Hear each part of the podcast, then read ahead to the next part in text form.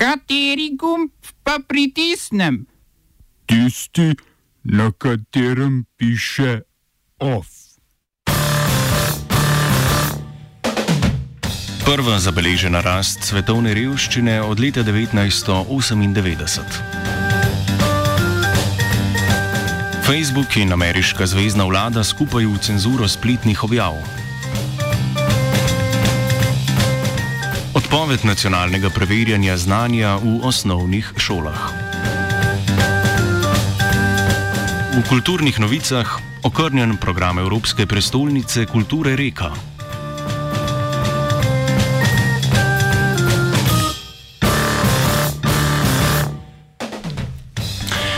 Danes svoj 84. rojstni dan praznuje britanska kraljica Elizabeta II. Rojena 21. aprila 1926 v Londonu je britanski prestol zasedla pri 25 letih, ko je njen oče George VI. leta 1952 nenadoma umrl. Najstarejša britanska monarhija in svetovna voditeljica z najdaljšim stažem se je letos prvič v svoji skoraj 70-letni vladavini odpovedala slavnostnim topovskim salvam, torej paradi. V izogib občutkom neenakosti, ki bi jih praznovanje sicer sprožilo Britancem.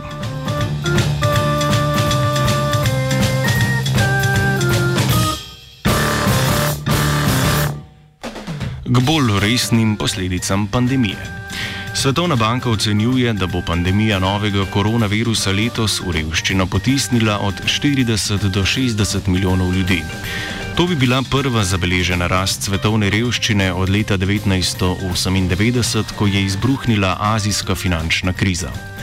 Globalna meja revščine je določena pod 1,75 evra dnevne porabe in se je doslej po svetu zmanjševala. Lani je z manj kot toliko denarja dnevno živelo 8,2 odstotka svetovnega prebivalstva, letos pa naj bi se delež povečal na 8,6 odstotka. Z 632 na 635 milijonov ljudi.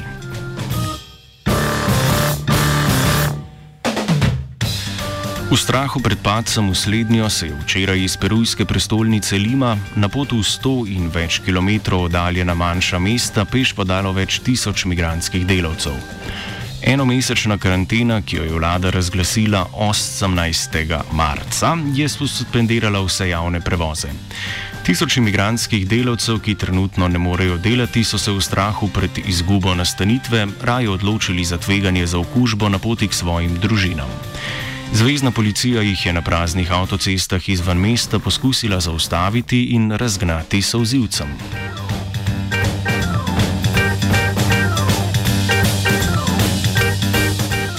Po včerajšnji blokadi medijskih vsebin javnih radio, televizij in tiskovnih agencij Saudova Arabija in Združenih arabskih emiratov je turški predsednik Recep Tayyip Erdoğan napovedal, da bo država ostro obračunala s turškimi mediji, ki bodo, citiramo, širili politične viruse.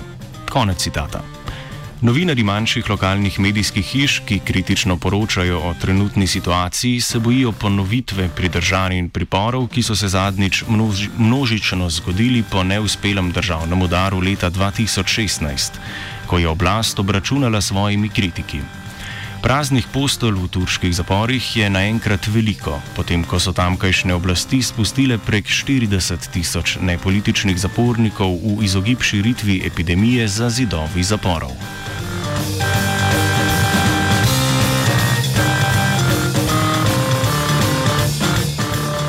Do vladnih ukrepov kritične glasove bo odslej utišal tudi spletni socialni velikan Facebook. Predstavniki podjetja so včeraj sporočili, da bodo vse strani in dogodki v ZDA, ki bodo pozivali k nasprotovanju družbeni osamitvi, takoj blokirani, uporabniki pa odstranjeni. Izjeme bodo samo dogodki, ki jih bo odobrila zvezdna vlada. Od danes se tako uporabi tudi filtri, ki bodo avtomatično odstranjevali objave, ki bi odsvetovale zdravljenje ali uporabo osnovnih zaščitnih ukrepov proti širjenju novega koronavirusa. Kritiki opozarjajo, da gre za precedenčno ukinjanje pravice do izražanja, ki jo podpira zvezdna vlada. Delovanje slednje, posebljeno v Twitter profilu predsednika Donalda Trumpa, sicer deluje pogosto schizofreno. ko hkrati uvaja ukrepe za zaustavitev širjenja bolezni, istočasno pa daje podporo protestnikom, ki zahtevajo konec omejitev. Več v off komentarju čez slabo uro.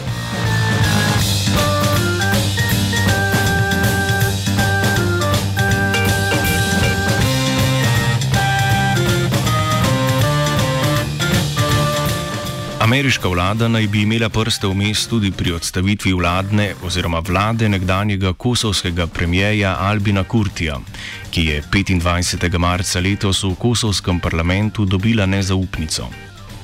Kurti je v spletni novinarski konferenci Dunajske tiskovne hiše Concordia s prstom pokazal na Richarda Granla, posebnega ameriškega odposlanca na Kosovu.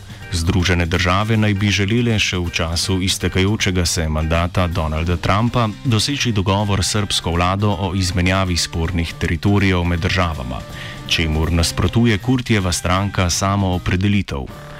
Grenell naj bi se v svojih prizadevanjih sestal s predstavniki Demokratske lige in jih prepričal v odhod iz koalicije.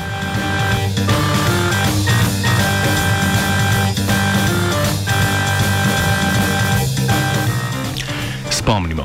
Pogovori o izmenjavi ozemelj, ki ste jih začela kosovski predsednik Hašim Thačim in srpski predsednik Aleksandar Vučić, predvidevajo izmenjavo doline Preševo v Srbiji, ki jo večinsko poseljujejo etnični Albanci, za območja na severu Kosova poseljena s pretežno srpskim prebivalstvom.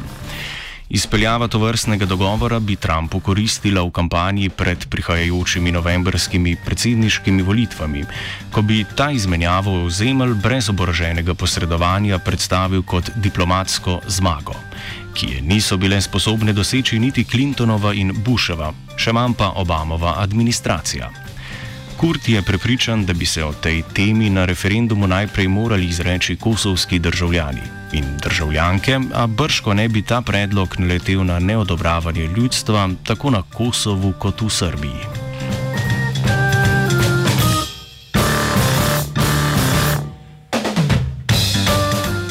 V javnost so pricurljale podrobnosti tajnega sporazuma sklenjenega med srpsko in avstrijsko vlado o vračanju migrantov v Srbijo.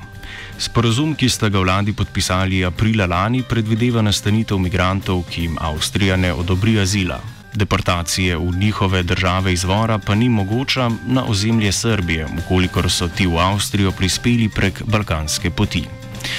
Migrante naj bi srpska vlada nadomestila v obstoječe begunske centre, stroške njihove nastanitve pa naj bi krila avstrijska vlada. Ostanek dogovora je pred tednom dni prva objavila tiskovna hiša Deutsche Welle. Kljub pritiskom domačih medijev pa srpsko ministrstvo za notranje zadeve odlaša z objavo podrobnosti dogovora.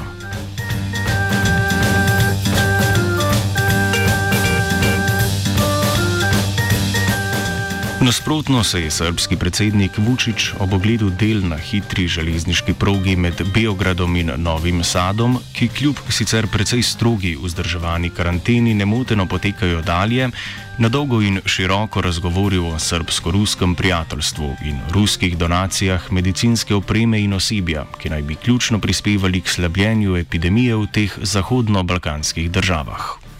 Jasno vam je da niko u svetu ne može da predvidi šta će tačno se zbiva, ali mislim da će Srbija nešto spremnije od većine drugih zemalja, ne samo u okruženju, već u celoj Evropi to da dočeka i da naši ljudi ne treba da imaju bojazni. Ali molim samo one ljude kojima smo najavili, dakle moramo brzo da se prebacimo i da pokažemo da možemo da radimo više, da možemo da radimo najozbiljnije i da možemo da radimo najodgovornije.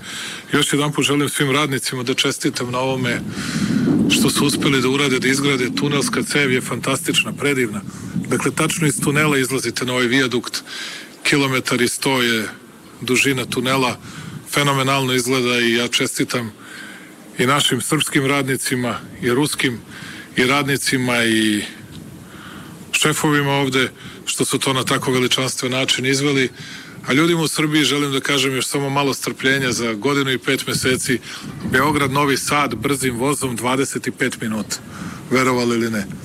Ako to neko može da poveruje mi ne možete iz Beograda da izađete za 25 minuta kolima.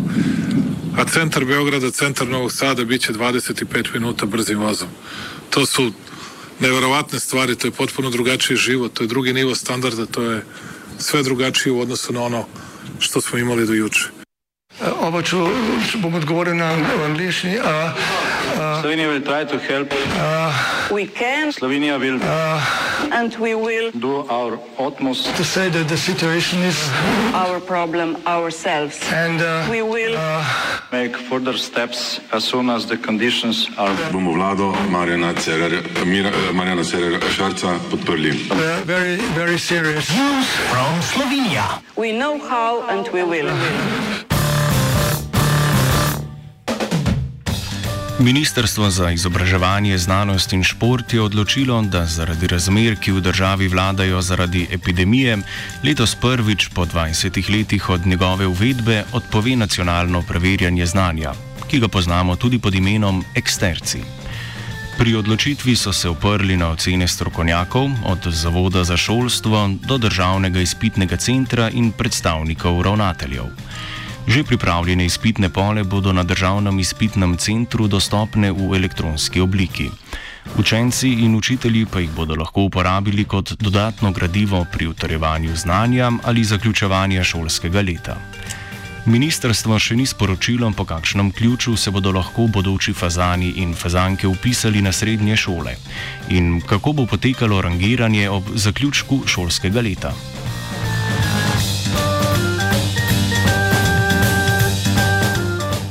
Predsednik republike in vrhovni poveljnik obrambnih sil Borut Pahor je skupaj z obrambnim ministrom Matejem Toninom na prvem uradnem pogovoru po imenovanju sprejel načelnika generalštaba slovenske vojske, brigadirja Roberta Glavaša.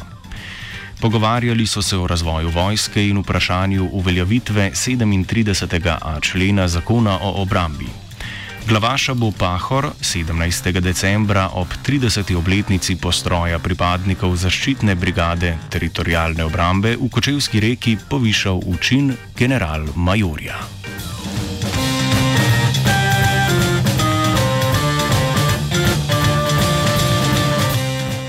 Ob protokolarnih dogodkih javnosti ne ugaja klonaštvo, ki ga je predsednik zganjal in ga zganja v javnem življenju in na socialnem omrežju Instagram.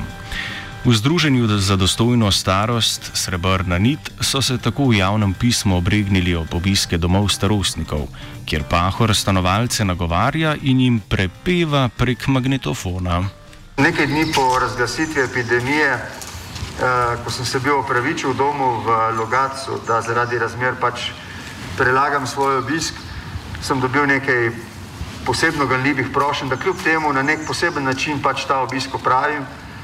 In ko sem prišel eh, pred dom v Logatec, mi je bilo jasno, da se že tedaj, kaj šele kasneje, zlasti uh, stanovalke, stanovalci, uporabniki, uporabnice, tudi osebje, na nek način, zlasti starejši, počutijo, še bolj v eni tesnobi, uh, še bolj v enem strahu, ne samo skrbeh. In pričakujejo nek uh, izraz ene solidarnosti, če ga vsi ostali, ja seveda starejši še toliko bolj. In takrat sem sklenil pač tudi po uh, najboljših nasvetih stroke uh, nadaljevati za temi obiski domov in mi ni žal, da sem jih uh, doslej toliko obiskal in jih bom še. Uh, Se morda zavedate, da lahko v času, ko vi na dvorišču prepevate, v sobah umirajo ljudje? Gre za nespoštljiv odnos vseh, ki ne morejo na balkone in ležijo nepomični in osamljeni po sobah. So med drugim zapisali v pismo.